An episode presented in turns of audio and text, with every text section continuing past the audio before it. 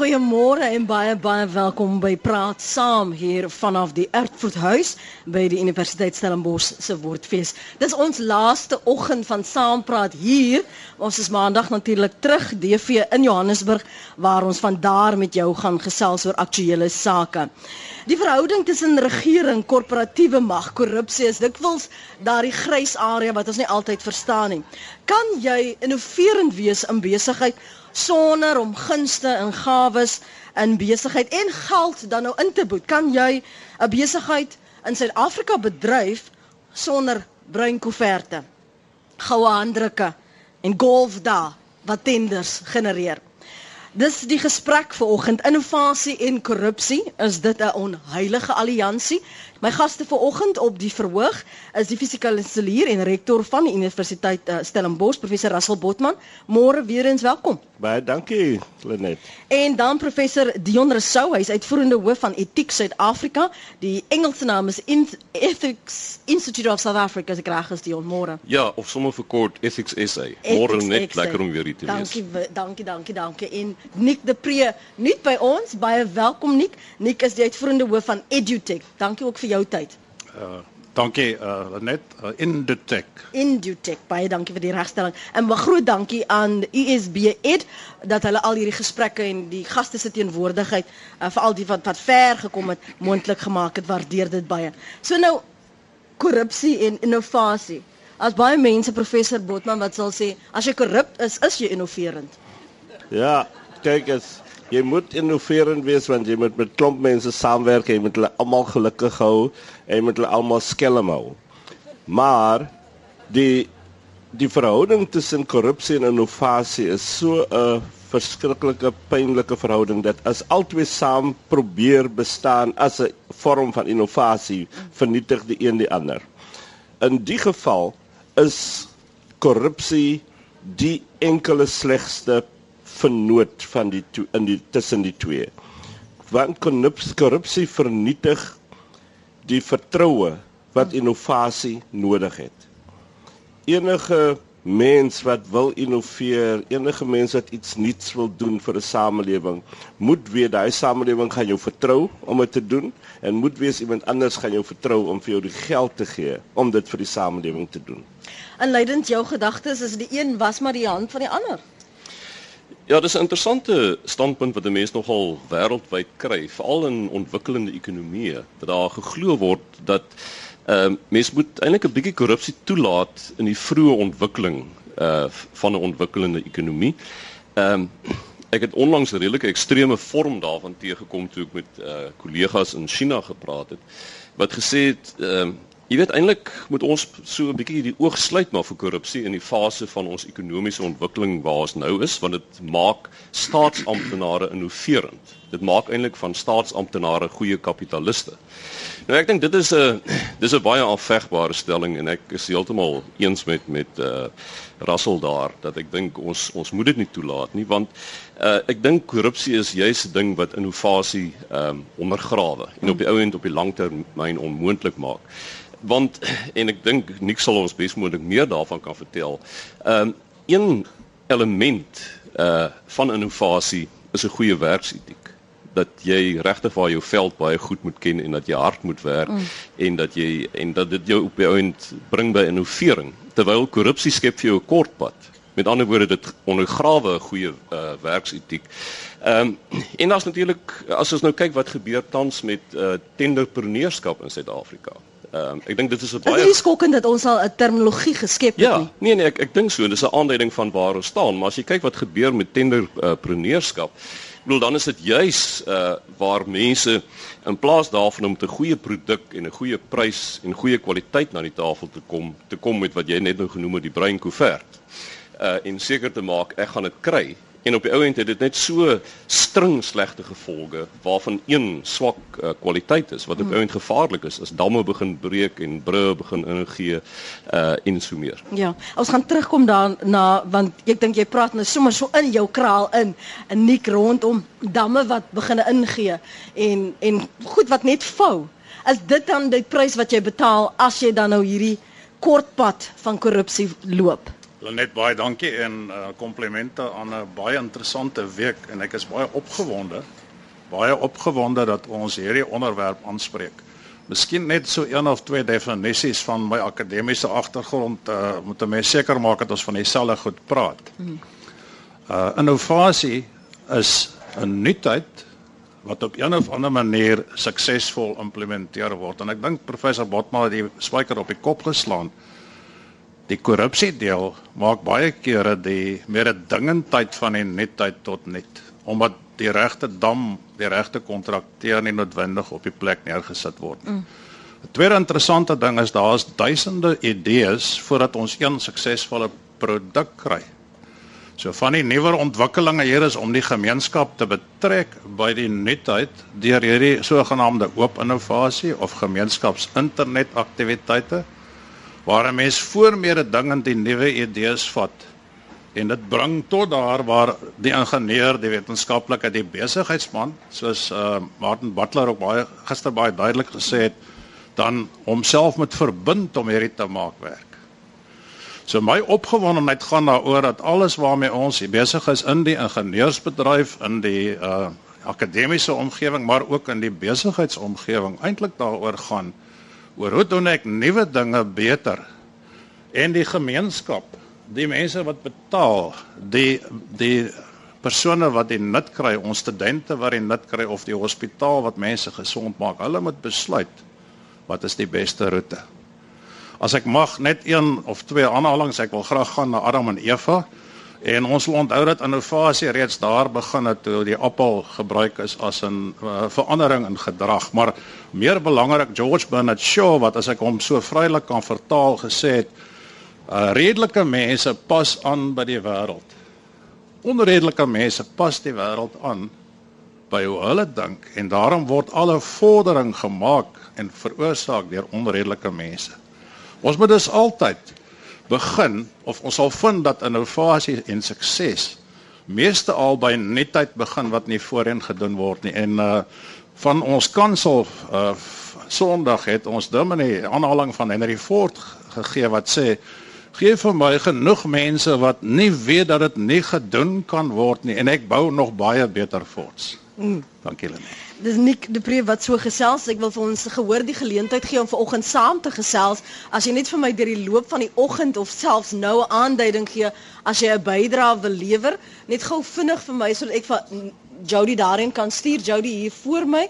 En dan praat ons so saam vir die luisteraars by die huis. As jy wil kommentaar lewer op die inleidende opmerkings van ons gaste vanoggend, as jy welkom om dit te doen.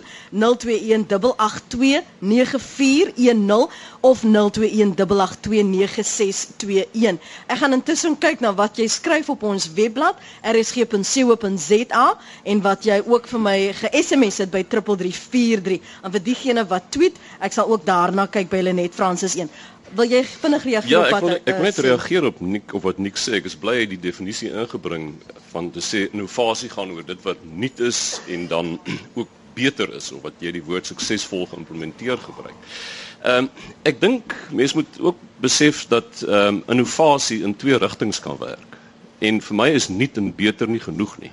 Ek dink ons moet ook goed daarby sit. Want onthou, mm. as ons nou kyk wat nou met kubermisdaad aan die gebeur is, dan is daar geweldig klomp nuwe en beter maniere om instellings te bedrieg. En ehm um, as ons nie begin praat ook oor die etiek van innovasie nie, dink ek is daar baie uh, belangrike element wat ons mis. Uh, en as jy praat van die etiek dan of van innovasie, waarop lê jy klem? Ehm um, dit gaan kyk as ons begin 'n etiese dimensie daaraan gee dan sê ons dit moet net goed vir my wees nie dit moet goed wees vir ander mense. Ehm um, die oomblik as iets net vir my goed is maar ehm um, ten koste van alle ander mense soos wat tipies gebeur met bedrog, die bedrieër baat daarbey en miskien ehm um, onmiddellike familie en so aan, maar die meeste van ons is verloorders in daai proses uh, en die ekonomie word geknou as as as gevolg daarvan. So die etiese dimensie is altyd dit moet ook vir ander voordeel inhou. En as daai element afwesig is, ehm uh, dan uh, is is is daar iets verkeerd, eties verkeerd en dan moet ons begin kyk na die etiek van innovasie. En ek dink nie jou punt van belanghebbers uh, betrek daarbey is presies waarom dit gaan. Dat deel van daai innovasie is om ook seker te maak wat is die impak van die innovasie op ander en op die samelewing. Voort. Kan ek daarby sit? Ek dink ook ons moet verstaan dat korrupsie aan die ander kant van die nuutheid van innovasie is die is die vernietiging van die vertroue wat 'n samelewing nodig het om innovasies te kan laat blom. En uh die en die vernietiging is 'n belangrike deel. 'n Mens vergeet uh, nee, dis 'n uh, uh mense praat meestal as hulle praat oor vertroue van 'n vertrouensverhouding tussen 'n man en 'n vrou of 'n man en 'n man of 'n vrou en 'n vrou. En hulle vergeet dat vertroue is eintlik 'n ekonomiese konsep. Dat as die as jy nie die ekonomie kan vertrou nie. As jy nie meer die sake mense kan vertrou nie en as sake mense nie meer mekaar kan vertrou nie. Het 'n land die glybaan bereik na die einde van sy ekonomiese groei toe. Jy kan nie korrupsie dis uh, uh, as 'n mens nou sou sê ekonomiese groei is afhanklik van innovasie dan is ekonomiese ondergang die resultaat mm. van te veel korrupsie. Wat sê jy van wat uh, Dion het nog gesê het wat hy in in China raak geloop het mm. dat uh, dit asof so 'n bietjie klein sonde is okay want ons moet kyk na die groter prentjie. Ja, kyk die die die die groot uitdaging wat ons almal het is om die moeilikste vraag oor ekonomiese kwessies in die oë te kyk. En dit is is dit so dat mens moet glo dat as jy een persoon baie ryk maak, dan gaan daar 'n soort van ripple effek deur die stelsel gaan en meer mense gaan die voordeel daarvan kry. As jy dit glo, dan is dit moontlik om soos daai Chinese te dink. Te sê goed, as is nie sleg as 'n paar van hierdie staatsamptenare op baie skelm maniere baie ryk raak nie, want dit gaan tot voordeel van die hele samelewing wees. Die ander kant daarvan is dat jy glo dat die samelewing betaal die belasting. Die samelewing het die eerste groot belegging gemaak vir daardie uh tender wat uitgegee word. Die samelewing behoort van die begin af die groot voordeel te kry, nie iemand anders nie. En dan dan begin die ding verander. Dit is nogal vir my opvallend. Ek het uh, in voorbereiding vir die gesprek gou gaan kyk na twee indekse. Die een is die Global uh, Innovation Index wat deur Cornell Universiteit opgestel word. Die ander is Transparency International se Corruption Perception Index. Mm. En dit was my interessant om die groot ooreenkomste tussen die twee indekse te sien. Dat dat die lande wat bo aan met ander woorde wat die wat geag word as as die ja, as die mins die minste korrup is ook dieselfde lande wat ons sien aan die bokant van die innovasie indeks. Wat ek dink net die die punt van Russell ehm um, baie sterk beklemtoon, mm. naamlik dat daar 'n verband is want en ek dink dis nie 'n moeilike verband om te sien nie, want uh in 'n korrupte omgewing is daar tipies nie beskerming van intellektuele eiendomsreg nie en is daai belangrike insentief vir harde werk. Ehm um, het dit het dit verdwyn. Mm.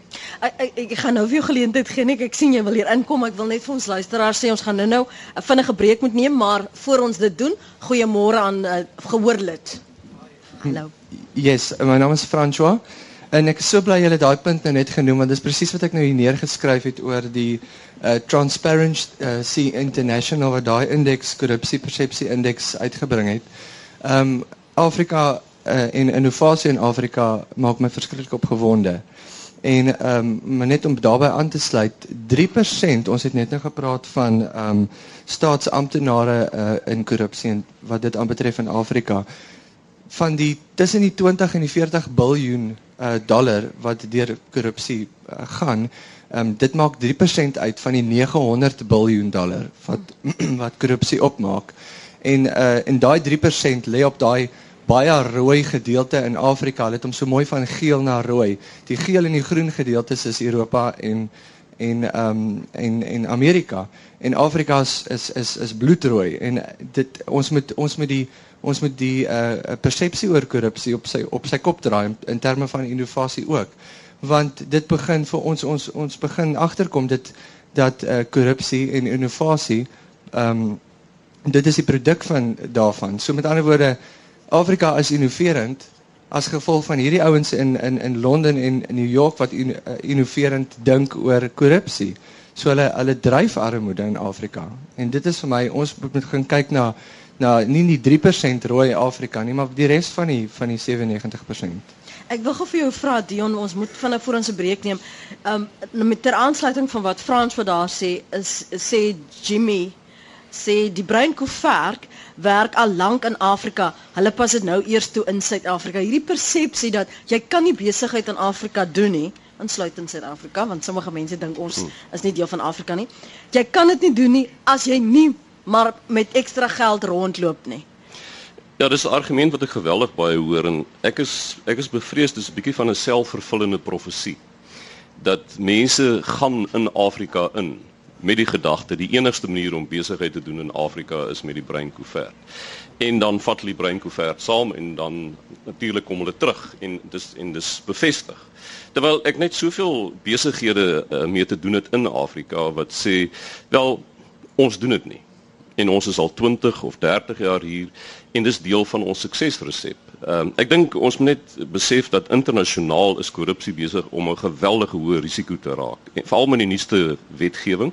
Ek wil laas die ou stuk uh uh Prevention of Corrupt Practices Act van Amerika wat nou 'n uh, ou stuk wetgewing is maar nou baie meer aggressief toegepas word, maar die die jonger wetgewing, die UK Bribery Act.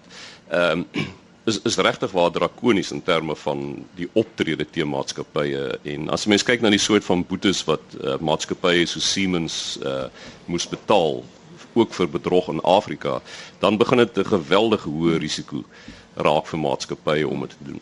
Uh, wat sien jy op jou reise professor Botman? Ek ek sien dat dat mense dink dat jy as jy in 'n land wil ingaan, moet jy die immigrasiemense reg by die deur al begin uh omkoop en hulle vat nee, die breinkoevert saam. Dis net 'n geskenk en dis dit maak net die lewe vir almal makliker. En ek sien ook dis kyk as mense het vir hulle hulle werk op bote, né? Hulle bring vis uit die see uit. As hulle by 'n land ingaan wat bietjie nie hulle land is nie, dan maak hulle hulle gereed om vis af te gee aan mense daar sodat hulle hulle kan toegelaat word en ondersteun word uh en 'n beter bedeling kry. Maar die ding is dit is die moeilikheid daarvan he, is dat hoe meer jy daarvan moet doen, hoe meer word jy self die krimineel. Jy word die misdadiger want jy korrupteer iemand anders. Nou jy kan sê die een was maar korrup geweest, die een gekry, die een kon net arm geweest het.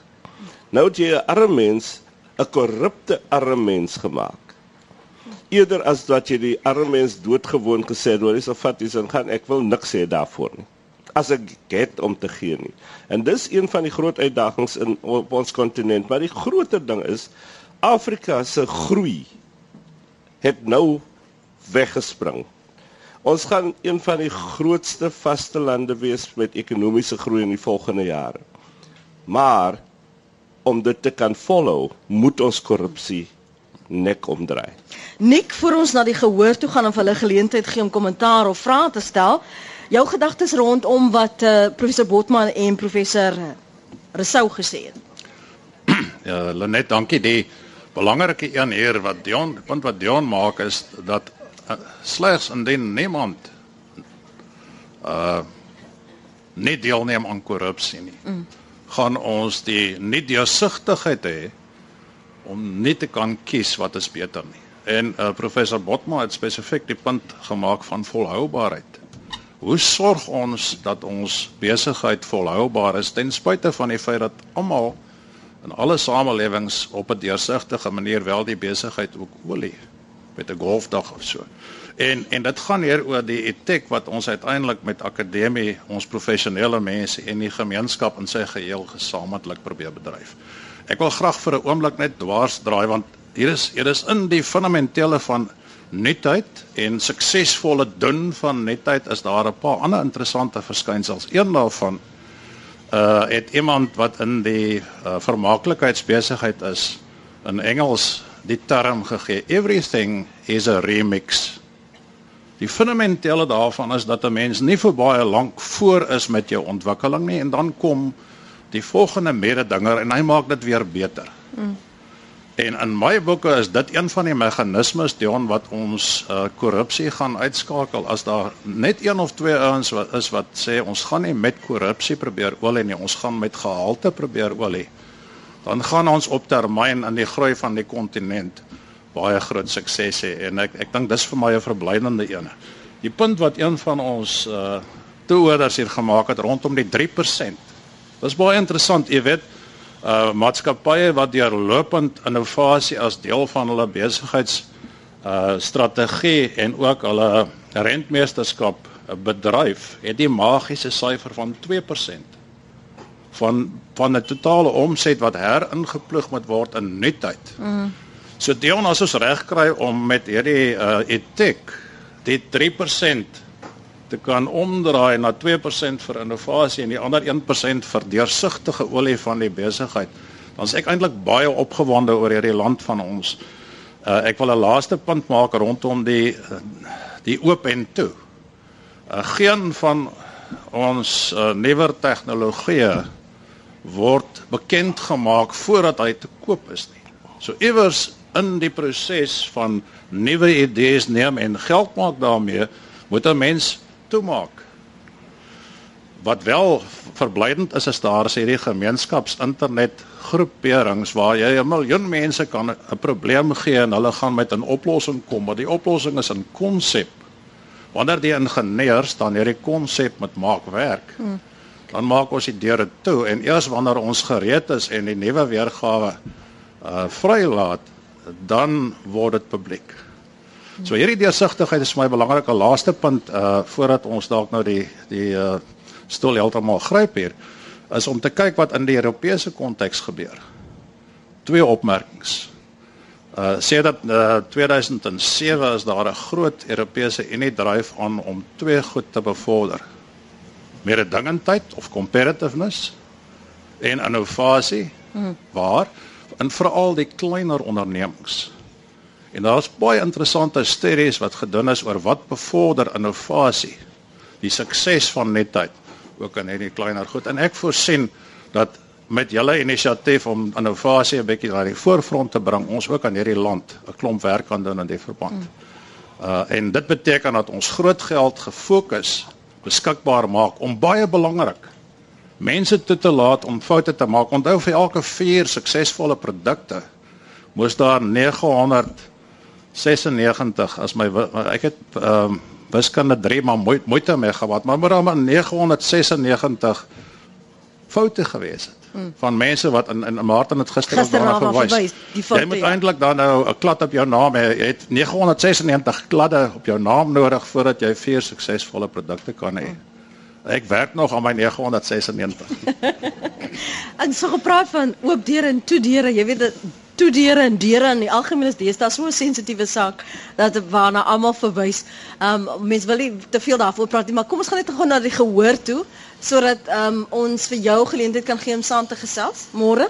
Goeiemôre, my naam is Alex Bosman. Ehm um, word net ek sou graag namens ek wil eerstens net sê ek dink ons moet die gesprek net bietjie nader bring aan Jan en alle man en hoe innovasie en en en vering in die pad staan van die van die van die kleiner organisasie en dan ook die persoon wat uit die motorhuis uh uh, uh innoverende idee het wat hulle graag na die mark toe sou wou bring want uh, daar is so 'n uh, agterdog in die koöperatiewe milieu. En ek dink die uitvoerende beamptes is so sat van korrupsie en die en die moontlikheid dat hulle gevang kan word met 'n slapriem dat ek sou graag wou sien dat 'n of die voorstel maak en miskien die paneel se idees daaroor hoor om 'n onafhanklike span in die groter koöperatiewe omgewing wat objektief kyk na uh, en en objektief kan luister na innoverende idees wat met ander woorde nie direk blootgestel word aan potensiële korrupsie nie. Maar maar maar dan moet jy mense kry as jy dan nou so 'n paneel het wat ten minste vir die bedryf verstaan om die voldoende die genoegsame kennis te hê om 'n oordeel te kan vel. Nie, nie noodwendig nie, dit moet bloot daardie onafhanklikheid moet dalk net kyk objektief na of dit voorgelê kan word aan die uitvoerende beampte van 'n groot koöperatiewe onderneming en sê man, jy kan met hierdie ouens besigheid doen. Nie noodwendig is 'n slegte of 'n goeie idee nie, maar minstens kan jy na hulle luister. Jy gaan nie blootgestel word aan potensiële korrupsie. Goed, en die ander punt wat jy wil maak? Nee, dit is Want dit was punt. jou laaste die punte. Uh, Kom ons gaan gou na die ander uh mening en die kommentaar Jody as jy die dame hier voor, ek dink dis uh net daarso daar sê Jody, as jy net gou gou ehm um, vir haar geleentheid gee en dan gaan ons na agter beweeg. Môre. Um, goeiemôre, my naam is Rotia Kleinhans. En um ek ek wil graag 'n uh, positiewe uh, opmerking maak. Um die persepsie is dat Nigerië een van die mees korrupte lande is in in Afrika. Um my man en 'n vernoot het 'n besigheid daar in inligtingstegnologie. Hulle werk al 11 jaar daar en ehm um, hulle het 'n vertrouensverhouding met hulle grootste kliënt wat die regering is opgebou op grond van die kwaliteit werk wat hulle lewer mm. en nie definitief nie breinkoeverte wat onder die tafel deurgegaan het nie. Baie dankie vir daardie uh, opmerking en kom ons gee vir jou kans deel om te reageer en dan sal ons die ander luisteraar daar agter neem. Ja, as as ek net ehm um, vinnig eers op Nick kan reageer voordat ek na die ander twee toe gaan. Ehm um, Nick, ek ek ek dink jou jou punt is is baie in die kol dat ons moet kyk hoe kan ons innovasie inspann om korrupsie te beveg. Die ding is korrupsie is altyd 'n baie privaat ding. Korrupte mense hou nie daarvan dat die lig op hulle skyn nie. En die en die oomblik as as die lig daarop skyn dan verdwyn die korrupsie gewoonlik. En ek dink daar's geweldige interessante goed wat ons veral met inligtingstegnologie kan doen om beter te sien wat wat gebeur. Ehm um, byvoorbeeld as ons net kyk na wat gebeur met staatsamptenare wat besigheid doen uh, met die staat. Nou om elke staatsamptenaar ehm um, se verklaring van 'n konflik van belange op te volg, ehm um, is is omtrent 'n onmoontlike saak. Maar as ons daai verklaring met sekere databasisse kan koppel, soos byvoorbeeld die maatskappyregister dat ons sien wie's die eienaars, wie's die direkteure van maatskappye, dan kan jy met die druk van 'n knop sien hierso is 'n paar mense wat ons na moet kyk. En ek dink dit is een van die maniere hoe ons tegnologie en innovasie kan inspann. As ek net na ehm um, uh ek dink is Alec Bosman wat wat gepraat het oor die oor die klein maatskappye. Ehm um, die beginsel wat al hoe meer geld ook in internasionale reg is dat jy nie jou immoraliteit kan uitkontrakteer nie. Ehm mm. uh, met ander woorde jy uh, is ook verantwoordelik vir wat jou verskaffers en die kleiner maatskappye met wie jy besigheid doen uh, wat hulle doen. Mens sien dit so tipies in die in die in die in die klerebedryf. Ehm um, waar daar klein verskaffers in Bangladesh of Vietnam sit, maar op die ou end is dit die reputasie van die groot maatskappye wat daaronder lê. En ook in terme van die nuwe wetgewing word maatskappye verantwoordelik gemaak nie net vir korrupsie in hulle eie maatskappye nie, maar ook in hulle besigheidspartners. Mm. En daarom is dit baie belangrik ehm um, dink ek dat hierdie vertrouensverhouding gebou moet word en ek dink dit is 'n dis 'n baie sinvolle voorstel dat maatskappye uh, regtig waar uh, hierdie soort van ondersoek en gesprek met hulle vennote het. Ehm um, net die laaste punt, ek dink is Rutia Kleinhans wat gepraat het oor Nigerië. Ek ek kom self redelik gereeld daar en dis inderdaad waar dat daar 'n klomp sulke maatskappye is wat juist daar uit hulle voordeel trek. Want daar's een baie eenvoudige ding aan korrupsie en dit is as jy 'n reputasie het vir korrupsie, gaan jy swakker diens kry en jy gaan duurder vir jou diens betaal. As jy 'n reputasie het dat jy nie ehm um, omkoopgeld betaal dat jy nie korrup is nie, ironies genoeg kry jy vinniger diens en goedkoper diens want daar's nie die addisionele belasting van korrupsiegeld nie. Kyk, ek het uh, julle weet mos nou in ons land het ons onlangs die skok ervaring gehad van die 2010 korrupsie van die groot konstruksiemaatskappye. Mm -hmm. En uh, ek hoop nog dat hulle baie meer gaan betaal as wat hulle betaal het tot nou toe want hierdie land het nodig om 'n uh, baie groot voorbeeld te stel. Mm -hmm. Maar nou dink ek toe in daai tyd ek kan nie verstaan hoe het dit gebeur dat Graham Power nie deel was daarvan nie. En ek het hom met hom gaan praat en hom gevra nou wat het gebeur? Graham Powell sê Russell ek het unashamedly ethical gestig. En dis 'n maatskappy is 'n organi uh, openbare organisasie wat vir mense geleentheid gee om 'n klomp goed te onderteken wat hulle sê dit sal ek nie doen nie. Mm -hmm. En al verloor ek geld, dan verloor ek die geld. Maar hierdie waardes is nie te koop in my lewe nie. En dit is wat ons nodig het. Dis 'n paar mense wat opstaan en sê die goed is nie te koop nie. Jy kan nie 'n waarde verdry wat my lewe vir my maak wat ek is nie. Mm. Maar is dit regtig nodig om so ver te gaan om of te onderteken? Jy weet om jou handskrif daar te sit en te sê maar ek gaan nie oneties optree nie.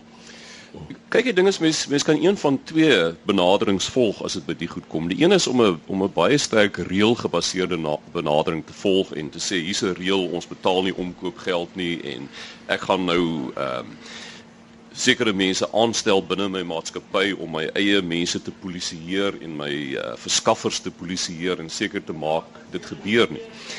Maar ehm um, dis 'n benadering wat op die ou end nie baie effektief is nie, want op die ou end kweek dit geen verantwoordelikheid in mense nie. En daarom is daar iets te sê ehm um, dit hoef nie te uh, te gebeur by wyse van 'n ondertekening nie. Mm. Maar daar's baie te sê vir 'n waardegebaseerde benadering waar jy begin werk met die oortuigings van die mense binne jou maatskappy en waar jy hulle kommitment op een of ander manier kry. Ehm um, want dan begin jy deel van daai waardestelsel, deel van daai verantwoordelikheid binne mense sit. En ons sien dat dit op die langtermyn die die die baie meer volhoubare en meer suksesvolle manier is. Mm. Ek dink uh daar's 'n interessante waarneming wat nou ook onlangs gemaak is in 'n studie oor Barclays Bank en hulle betrokkeheid ehm um, by die die interbank ehm um, uh, leningsskandaal uh, uh, skandaal waar hulle gesê het daar's 'n vreemde ding dat wat besigheid doen is nie in lyn met wat die wetenskap weet van mense nie. En wat besigheid tipies doen is om reëls te maak en vrees te gebruik om daai reëls af te forceer. Mm. En as ons bietjie kyk na menslike gedrag hoe dit werk, dan is daar baie meer effektiewe maniere. En dit is om met mense se oortuigings te mm. werk. En ek dink mm. dit is waar ons uh, ook moet gaan met ons besighede dat dit deel word van die kultuur van hoe ons besigheid doen in hierdie universiteit of hierdie besigheid of waar ook al. Ek wil vinnig 'n goue aanduiding kry van hoeveel is al in die versoeking geplaas om omkoopgeld te aanvaar, 'n koeverte, ete by te woon. Ek net gou net so deur jou hand op te steek, net weet wie wie is al gekonfronteer om daardie soort besluit te maak. Nee, 1, 2. Ja, ek is beslis daar. O, net 5 mense. Sjoe. Dankie tog. Ek gaan nou 'n uh, oogie gooi oor as jy wel vir my e-pos gestuur het by rsg.co.za wat jy daar sê. Kom ons neem gou net die kommentaar of vraag van uit die gehoor en dan gaan Dion en Nick reageer en die Dion na wie ek verwys is professor Dion Rousseau, hy's uitvoerende hoof van Etiek Suid-Afrika en professor Nick de Pre is by uh, EduTech ek hoop ek spel hom nou reguit en dan ook ehm um, professor Russell Botma fisiekanselier en rektor hier by die Universiteit Stellenbosch.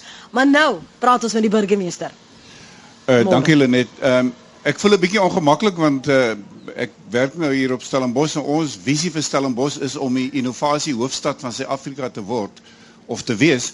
En nou vanoggend uh het julle nou omtrent 'n Siamese tweeling hier ontwikkel dat uh innovasie en korrupsie is so na aan mekaar dat ons nou half ongemaklik voel. Mense begin nou twyfel daaroor. Uh maar ons gaan nie te min voort om innovasie te bedryf en ek moet sê ons het unieke uh, projekte reeds rondom dit ontwikkel onder meer om waardes nie net in die in in skole te te te vestig nie maar selfs in die hele dorp wat ek verstaan is 'n unieke konsep om 'n hele dorp se gedrag te probeer verander. Hmm ehm um, uh, karakterleierskap en ehm um, maar ons hoef nie of dit is nou nie vanoggend die onderwerp nie, maar dit is iets baie spesiaal. Maar wat ek wou gesê het, ek wou twee kommentare gelewer het oor die uh geleerdes uh se uh, gesprek. Die een is dat ons konsentreer dikwels op die derde wêreld en Afrika wanneer ons praat oor korrupsie en wat ook bevestig word deur hierdie ehm uh, korrupsie persepsie indekse en ek dink die een spreker het verwys daarna het gepraat oor China en ehm um, dit word ook bevestig in hierdie nuwe ekonomieë die voormalige Oosbloklande. Hulle sê daar dat ehm uh, ek ek dink hy het ook so gesê in ander omgewings daar is dit ook so dat innovasie is laer gemeet teen die res van die Europese lande as gevolg van korrupsie en dit word wetenskaplik so bewys dat uh, korrupsie verlaag uh, uh, dit belemmer innoverende denke uh, vir die regering en uh, ook vir sake mense en so meer. Ehm um, En ons moet ook oppas daar oppas daarvoor want in Suid-Afrika is dit dieselfde soort van goed wat ons raak. Maar net die tweede helfte van my punt is dat die ons moet ook nie hoogheilig wees nie selfs in ons eerste wêreld lande soos in ehm um, wat ons kom ons gaan nou na Washington toe. Ons Suid-Afrika val dan nou miskien ook in hierdie ontwikkelende deel, maar in Washington waar ons hierdie lobbyies het, waar ons nou bo hierdie wêreld wêreldlande is, het ons hierdie lobbyies wat erkende mense is wat die die die belange van sekere mense bevorder en betaal word om daai belange te bevorder. En daar het 'n oue boek daaroor geskryf, ek dink dit is Robert Kaiser, So Damn Much Money. Hy sê in die ou tyd het jong mense aan Washington toe gegaan om geld om om om omdat hulle die wêreld wou verander. En sakemanne het gegaan om met nuwe dinge te skep. Vandag gaan ouens Washington toe in hulle lobby daar om geld te maak. So in 'n sekere mate is ons ook korrup gemaak op 'n ander manier. So ehm um, ehm um, uh, korrupsie het op 'n ander manier ook ingegly inge, inge soort van ingegly en ingegryp en ons sien dit nie raak vir wat dit is nie. Dit is sadig besig om op ons op te kruip en dit is iets anders. So ons is hoogheilig oor hierdie ander opbeheerse goed, maar hierdie ander ons word gekorrupteer op maniere wat ons nie eens besef nie. Ek wou net die punt gemaak het. Baie dankie. Ek wil aansluit want nie uh, nie ekskuus Dion, jy het gepraat net voor ek gevra het ehm um, wie was al genader of in die versoeking geplaas sê daai hoogheiligheid rondom nee ek kan nie oop oop gekoop word nie. Jy wil gou punt daarvan gemaak het dan gaan ons na Nick toe en professor Botman. Ja, dit lyk my Lenet, dit was ek en jy wat ons hande opgesteek het en nog drie mense in die in die gehoor. Wat die, ons sê nie daarmee ons het uh, omkoopgeld ja. betaal nie. Ons sê ons was al in situasies waar dit gebeur. En ehm uh, ek dink dis daar's 'n hele paar studies wat vir ons wys. Transparency International byvoorbeeld ehm um, het na hulle corruption perception index ook 'n bribe payers index. En ons sit heeltemal aan die verkeerde kant daarvan. Uh wat vir ons wys dat in die lande wat ingesluit is, daar is ons van die mense uh uh wat die mees geneigde toe daar is om om om wel ehm um, omkoopgeld te betaal. Daar's 'n hele klomp ander studies uh die Global uh Corruption Barometer mm. wys dit ook ehm um, laasweek het die nuutste studie van uh, PricewaterhouseCoopers hulle Economic Crime Survey uitgekom wat ook wys dat daar baie meer korrupsie plaasvind in Suid-Afrika in vergelyking met die wêreldgemiddelde. So ek dink ehm um, as mense net maar luister na die radio, na die stories van verkeersmanne ehm um, en omkoopboetes wat geëis word, wel dit is 'n realiteit en 'n groeiende realiteit en dit is iets waar waar net ons as gewone burgers 'n verskil kan maak. Ja. Uh, jy kan dit nie van bo af weg reguleer nie.